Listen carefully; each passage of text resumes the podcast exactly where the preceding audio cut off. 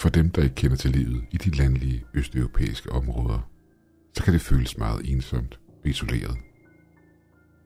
Jeg brugte det meste af min barndom og teenageår i London. Men for omkring et års tid siden blev vi tvunget til at flytte tilbage til mit gamle hjemland på grund af økonomiske grunde. Jeg kan ikke have været mere end tre eller fire år, da vi flyttede til England, så mine minder om min gamle hjemby er meget begrænset. Et gammelt lejlighedskompleks midt i et industrikvarter er ikke lige frem det mest ideelle sted at vokse op. Men det føltes levende, og der var altid noget at lave, og den mest interessante del af byen lå kun en kort bustur væk. Her, i min gamle hjemby, er der kun græsmarker, der strækker sig flere kilometer, lige meget hvilken retning jeg kigger i. For ikke at snakke om de fire timers køretur, der er imellem her og den nærmeste by. Og bare lige for at nævne det, så har jeg ikke noget kørekort. Men som du sikkert allerede har gættet, så var kedsomheden ikke den værste ting, jeg skulle håndtere.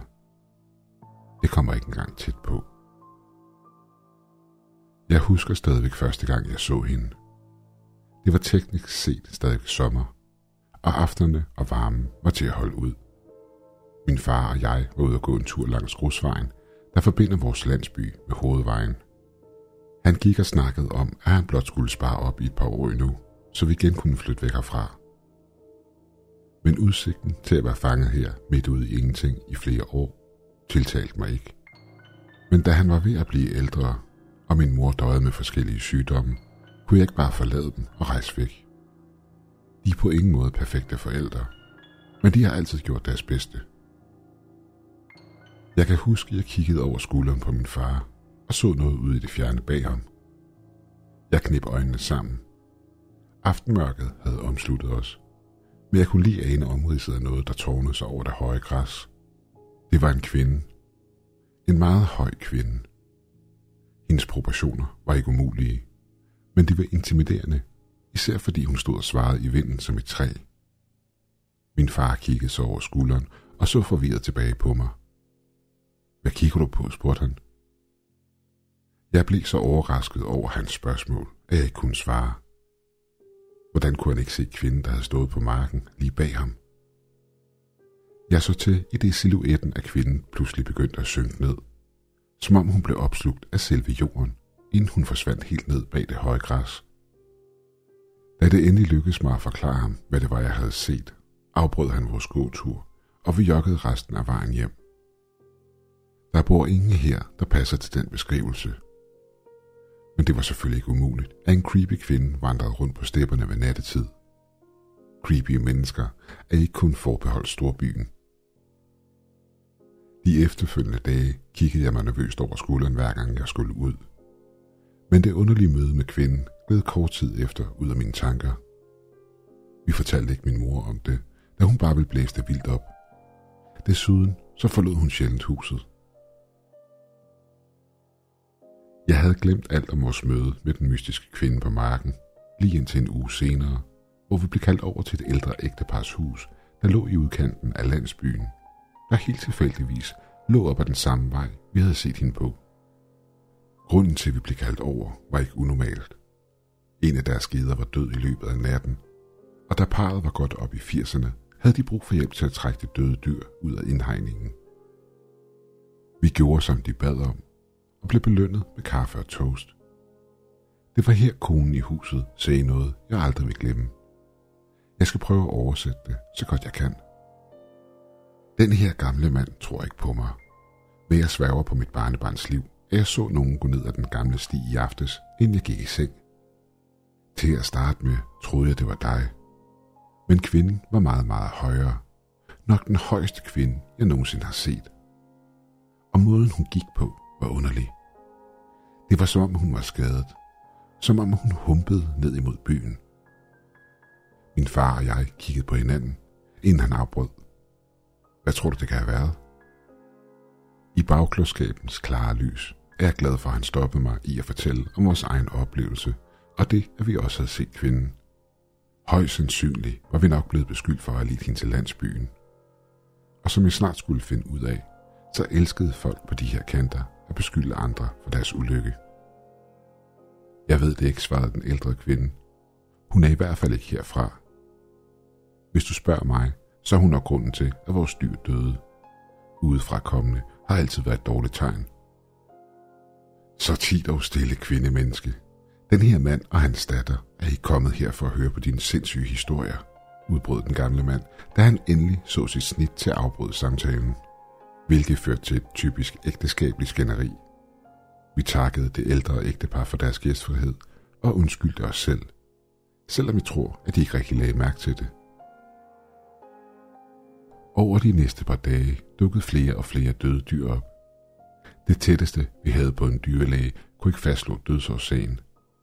Geder, grise, køer, ja selv hunde. Dyr, der så friske og sunde ud en dag, blev fundet døde den efterfølgende dag. En dag vågnede mine forældre op til et hønsehus fyldt med døde høns. Der var intet galt med dem. De lå bare spredt ud på gulvet, drænet for liv. Alt imens de, der stadig var i live, gik og hakkede jorden omkring dem, som om intet var sket. Der blev snakket om, at det kunne være en form for sygdom. Men hvilken sygdom dræber på kun et døgn, uden at der er nogen symptomer? Så den teori blev hurtigt skubbet til side. Det var næsten som om de var blevet forgiftet, hvilket også blev den mest populære teori. Lige indtil starten af oktober, hvor en forhyrte fandt noget i en lille birkelund, der lå tættere på landsbyen. Gemt imellem træerne var en groft udformet stencirkel, der tydeligvis var placeret med et formål. Og i midten af den stod der noget, der mindede om en blanding af et fugleskramsel og en mannequin-dukke lavet ud af grene.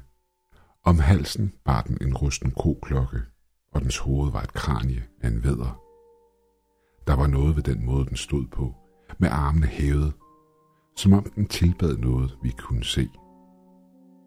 Det fik mig til at føle, at jeg var sårbar og lille. Som om der hang en ondskabsfuld kraft over landsbyen. Det er trolddom, var der en, der råbte. Vi er blevet forbandet, I stemte en anden. Vi spredte stenene og brændte figuren samme dag. I det jeg så figuren blive opslugt af flammerne, kunne jeg ikke lade være med at tænke på, at det var lige præcis, hvad personen, der havde placeret den der, ønskede. Jeg tror stadig på, at det var i det øjeblik, vi ubevidst fordømte os selv, og alt det, der efterfølgende skete, kunne have været undgået. Men det er for sent nu. Tingene blev kun værre, som tiden gik. Flere dyr døde af uforklarlige årsager. Dyreligene hobede sig op, og vi kunne ikke engang bruge kødet, da vi frygtede, at det på en eller anden måde var blevet forgiftet. Så vi endte med at brænde dem. Men det var først, da vores afgrøder, kilden til vores mad og indkomst, begyndte at visne, at tingene blev virkelig desperate. Alle blev overbevist om, at der var en heks i blandt os. Og da mig og min familie var de seneste tilflyttere, og vi de første, der kom under mistanke. Heldigvis lykkedes det min far at overbevise den vrede menneskemængde, at den såkaldte forbandelse også havde ramt vores levevilkår. Så det gav ikke mening, at vi skulle være ansvarlige for den. Så beskyldningerne begyndte at sprede sig imod den næst mulige kandidat. Jeg vil ikke bruge hendes rigtige navn ud af respekt for den stakkels kvinde. Så lad os bare kalde hende for Maria. Maria var på samme alder som min mor, måske en smule ældre. Hun var den eneste i landsbyen, der aldrig var blevet gift eller havde fået børn. Hvorfor, ved jeg ikke. Alt jeg ved er, at hun boede relativt isoleret fra sig selv og havde gjort det i overvis, hvilket gjorde hende til den hovedmistænkte i landsbyfolkenes øjne. Udover det, så var hendes dyr blevet forholdsvis skånet. Men der var ingen tvivl i mit sind om, at hun var blevet udbaret på grund af jalousi og andre ting, der var sket tidligere, jeg ikke kendte til. Men alt skulle snart ændre sig til noget, der var meget værre. Hver dag gik jeg forbi hendes hus, og så nylig friske udskåret kors snittet ind i hendes dør. Folk kaldte hende alt muligt, når de så hende på gaden. Jeg så endda en gruppe kvinder kaste sten efter hende, hvilket deres mænd råbende opmuntrede dem til. Du undrer dig måske over, hvorfor os normalt tænkende mennesker imellem ikke gjorde noget for at hjælpe. Den barske sandhed er, at tiderne var hårde, og ingen ønskede at implicere sig selv eller deres familie i det. Derudover, så prøv du at få tilkaldt en udefrakommende autoritet. Intet andet end mor ville kunne få en betjent til at overveje at komme helt herud. Og som sagt, så var det det, der skete. Tiden har været lidt sløret siden den dag, jeg fandt hende. Jeg kan huske, det havde sned den foregående nat, og alt var dækket af et fint hvidt lag sne. Jeg var på vej til den eneste butik, vi har her, da det er for koldt til at gå ud, bare for at gå en tur. Det var her, jeg hørte det i det fjerne. Lyden af en koklokke. I det, jeg gik forbi Marias hus, som jeg altid gjorde, så jeg hende ligge for foden af sin dør. Udstillet som en syg form for kunst. Hendes delvis nøgne krop var bundet fast til en pæl, og hun var så forslået og opsvulmet, at man næsten ikke kunne genkende hende. Frosten hang i hendes mørke hår, i det den blafrede i vinden og dækkede hendes blodige ansigt. Der var den. Den samme klokke, som vi havde fundet omkring halsen på idolet. På det her tidspunkt var jeg så følelseskold, at jeg blot vendte mig om og gik hjem igen. Jeg fortalte det ikke engang til mine forældre. På et tidspunkt var der dog nogen, der fandt hende og tilkaldte politiet. Men der kom ikke rigtig noget ud af det. De foretog en undersøgelse og udspurgte de mistænkte, men til sidst blev det hele faret ind under gulvtæppet, da de ikke havde nogen spor at gå efter. Og da julen kom, var det hele mere eller mindre glemt. Folk havde selvfølgelig en mistanke om, hvem der havde gjort det. Det var den generelle holdning, at forhyrten og hans drukvinder havde haft en finger med i spillet, da han altid offentligt har talt imod Maria, selv inden alt det her forbandelseshalløj startede. Men problemet er, at jeg tror, han ikke gjorde det. Der er en detalje, som jeg med vilje ikke har fortalt jer, da jeg ønskede at få alle facts på bordet til at starte med. Igennem alle begivenhederne, jeg har beskrevet, har den høje kvinde hjemsøgt hvert et eneste øjeblik af min vågne tilstand.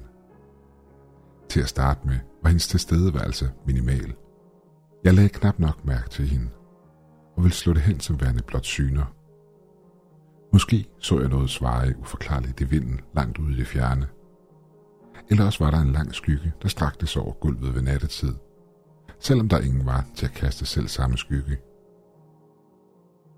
Men efter vi ødelagde den rituelle stencirkel, så jeg hende tydeligt, hvor jeg gik hen. Hun var altid at finde i min periferi. En lang, slank figur med askegrå hud i den traditionelle hvide kjole. Hendes hår var olieret og sad i totter, der klamrede sig til hendes hovedbund, hvilket efterlod intet af ansigtet til fantasien. Åh oh gud, det fucking ansigt. Jeg kan ikke finde ord, der kan beskrive, hvor frastødende det var. Min far så hende stadig ikke, men jeg tror, min mor gjorde. Men hun nægter konsekvent at anerkende, hvad hun så, selvom hun stod bøjet ind over hende. På et tidspunkt spurgte jeg hende direkte, men det gik op for mig, at hun var på randen af et mentalt kollaps. Men stadig fortalte hun mig følgende. Din bedstemor plejede at sige, at der findes ting derude, der godt kan lide at kigge på, men hader at blive set. Når du først ser dem, så er det bedst at lade som om, at man ikke ser dem. Så det var, hvad jeg gjorde. Jeg brugte to måneder på at lade som om den kvindelige smilende ånd, der så på os fra den anden ende af stuen, ikke var der. Jeg siger ikke, at jeg blev vant til den tilstedeværelse. Det at gå i seng og prøvede at få noget søvn, imens den smørke silhuet stod imod væggen, var svært. Husk på, at alt det her, det kæmpede jeg med, alt imens alt det andet foregik i landsbyen samtidig. Grunden til, at jeg fortæller jer dette er, at den høje kvinde stoppede med at vise sig for mig et par dage før jeg fandt livet af Maria. I sidste uge blev et nyt mor rapporteret. Forhørtens kone blev fundet i nogenlunde samme tilstand. Hendes forslåede krop blev fundet bundet til et træ lige for deres hjem. Om halsen på hende hang koklokken. Jeg har på fornemmelsen, at hun ikke er den sidste. Så for at opsummere. Jeg er en teenagepige, der er fanget i en landsby midt ude i ingenting. Helt derude, hvor kraverne vender. Alt imens en morderisk ånd, der eksklusivt kun går efter kvinder, og som måske, måske ikke, er forbundet til en forbandelse, der langsomt ødelægger vores liv.